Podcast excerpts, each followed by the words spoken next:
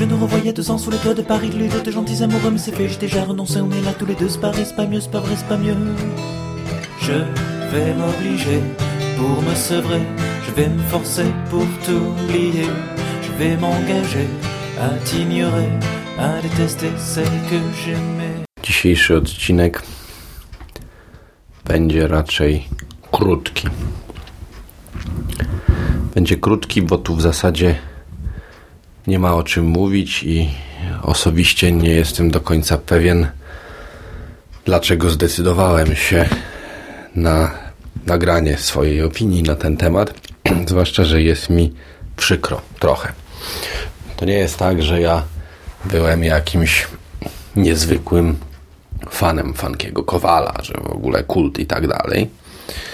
Raczej miałem do niego stosunek taki e, bardziej wyważony, czemu zresztą dawałem znać już i w tekście na Gnieździe Światów i opowiadając trochę o przewidywanej e, ekranizacji Kowala i samym Kowalu tu w Kapoku. Natomiast nadszedł ten moment, że wyszła wreszcie oczekiwana przez bardzo wiele lat kolejna część Funkiego Kowala. I tak naprawdę mógłbym wszystko podsumować jednym zdaniem i co z tego, że wyszła, skoro równie dobrze mogłoby jej nie być. Ja akurat, no, mam tylko drobne poczucie, że zostałem wyrolowany przez twórców, co e, nie jest dla mnie aż tak bardzo przykre, bo swój egzemplarz wrogiego przejęcia wygrałem w konkursie w internecie. I przyszedł do mnie pocztą za darmo, nawet za przesyłkę nie musiałem płacić. Więc e, jakoś tak, przyznam się zresztą szczerze, że nosiłem się z zamiarem kupienia czwartej części i tak się nosiłem, i tak się nosiłem i z tygodni to noszenie przechodziło w miesiące i pewnie bym się nosił jeszcze bardzo długo, gdyby nie to, że komiks wygrałem.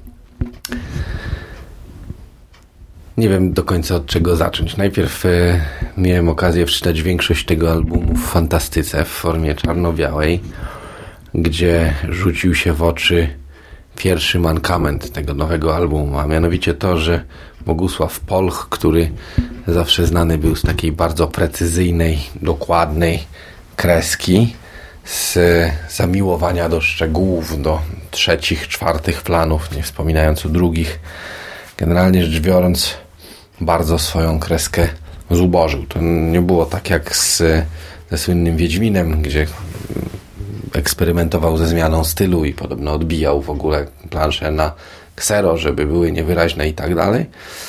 Tylko po prostu zrezygnował z tego, co było w jego rysunkach zawsze najlepsze i najważniejsze, czyli z całej masy detali. podobno było tak, że no, ten album był już robiony właśnie taką metodą prosto pod kolor i, i to wszystko w kolorze miało potem ożyć i tak dalej. Jeśli mam być szczery, to kolor w tym albumie plasuje się gdzieś w okolicach e, albumu Wbrew sobie. Czyli nie ma doła, ale nie ma też e, jakichś szczególnych fajerwerków. Od, no to po prostu zwykły kolor.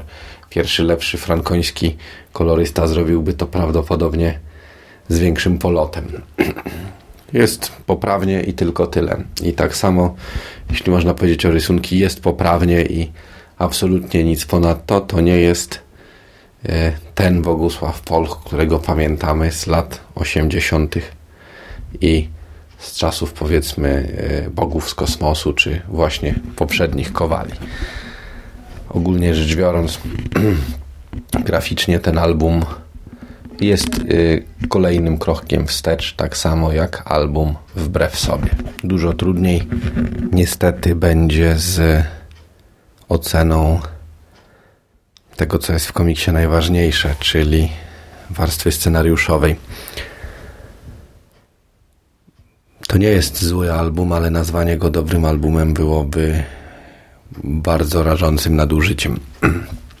Pamiętam wyraźnie, że po tym, kiedy zostało opublikowane wbrew sobie, to autorzy mówili, że mają być jeszcze dwa albumy z Funkiem Kowalem.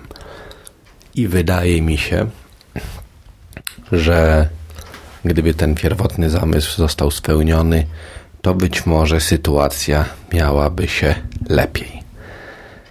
Nie wiem na ile tutaj e, wpłynęło na rozsypanie się scenariusza to, że zabrakło Jacka Rodka w zespole scenariuszowym. Trudno mi powiedzieć, e, czy to kwestia tego, że pan Polch e, też trochę przy scenariuszu dłubał. Nie potrafię ocenić. W każdym razie mm, scenariusz wrogiego przejęcia niespecjalnie przypomina w ogóle fabułą i, i scenariuszem poprzednie Kowale. No może tego pierwszego, który był publikowany po cztery strony i e, pierwsza część bez oddechu, ci, którzy pamiętają, jest taka jakby poszatkowana na pojedyncze epizody, które ze sobą nie bardzo się wiążą. Mam wrażenie, że tu też tak jest. Było w tym scenariuszu parę rzeczy, które mogłyby się obronić, gdyby zostały trochę rozwinięte, gdyby zostały trochę opracowane. Tak jak mówię, gdyby rozłożyć to na dwa albumy. Autorzy prawdopodobnie mieli świadomość tego, że utopią i od razu zdecydowali się na zrobienie jednego i zamknięcie tego wszystkiego. I w związku z tym, że próbowali pozwiązywać wszystkie stare wątki, a oprócz tego wrzucili garść zupełnie nowych z dupy, to im się to nie udało. Ten album to jest jeden wielki chaos. E, pogłębia ten chaos to, że zostały do niego dorzucone cztery plansze zrobione przez Polcha dekadę temu, które nie pasują absolutnie do niczego, więc wrzucono je jako halucynacje Kowala. E, nie wnoszą nic do akcji, chociaż same w sobie może są ciekawe jako zajawka. Ja tam nie wiem. Mm, duże skoki w narracji, to wszystko się rwie e, i tak nie składa się kupy mm, chyba pięcioletni przeskok od momentu, kiedy e, cała sprawa się rypła do finału. Jest e, zaznaczony chyba w jednym miejscu, jednym dymkiem narracyjnym. Jest to jakoś tak bardzo niezręcznie zrobione.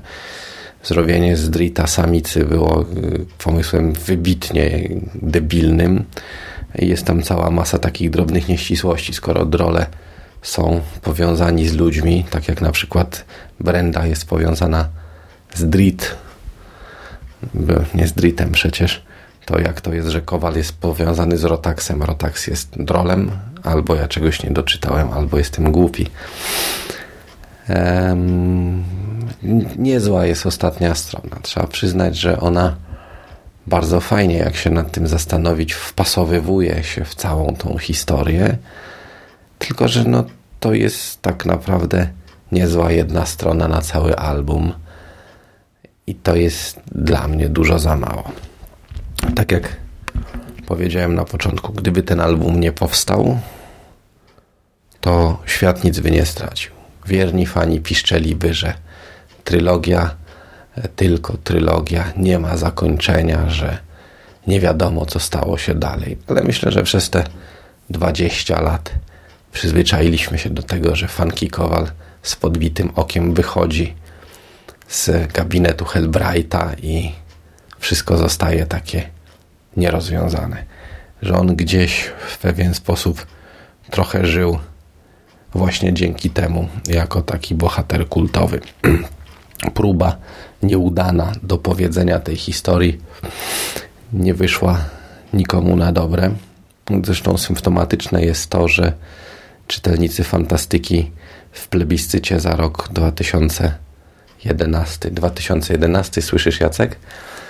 2011 przyznali e, reaktywacji Kowala miano porażki roku. Oczywiście rozumiem, że w dużym stopniu jest to jednak kwestia działania na emocjach, bo tak jak mówiłem, to nie jest album zły. Mm, czy też inaczej, to mógł być album, dwa albumy dobre. Tą historię można było zrobić dobrze. E, trudno jest mi powiedzieć, co to było tak naprawdę skok na kasę, czy jakaś próba comebacku, czy coś. Cokolwiek to było, no nie udało się. Można oczywiście spokojnie stwierdzić, że wrogiego przejęcia nie było i już. I zostać przy starym kowalu. Tym bardziej, że y, nowe wydanie jest nieco większe od wydań oryginalnych i tak jakoś mi sterczy na półce. No tu, tu oczywiście czepiam się, bo cała seria została wznowiona, ale nie mam zamiaru kupować yy, wszystkich nowych wydań tylko dlatego, że są wywiady z twórcami, które i tak mogę sobie przeczytać w internecie. No więc cóż, no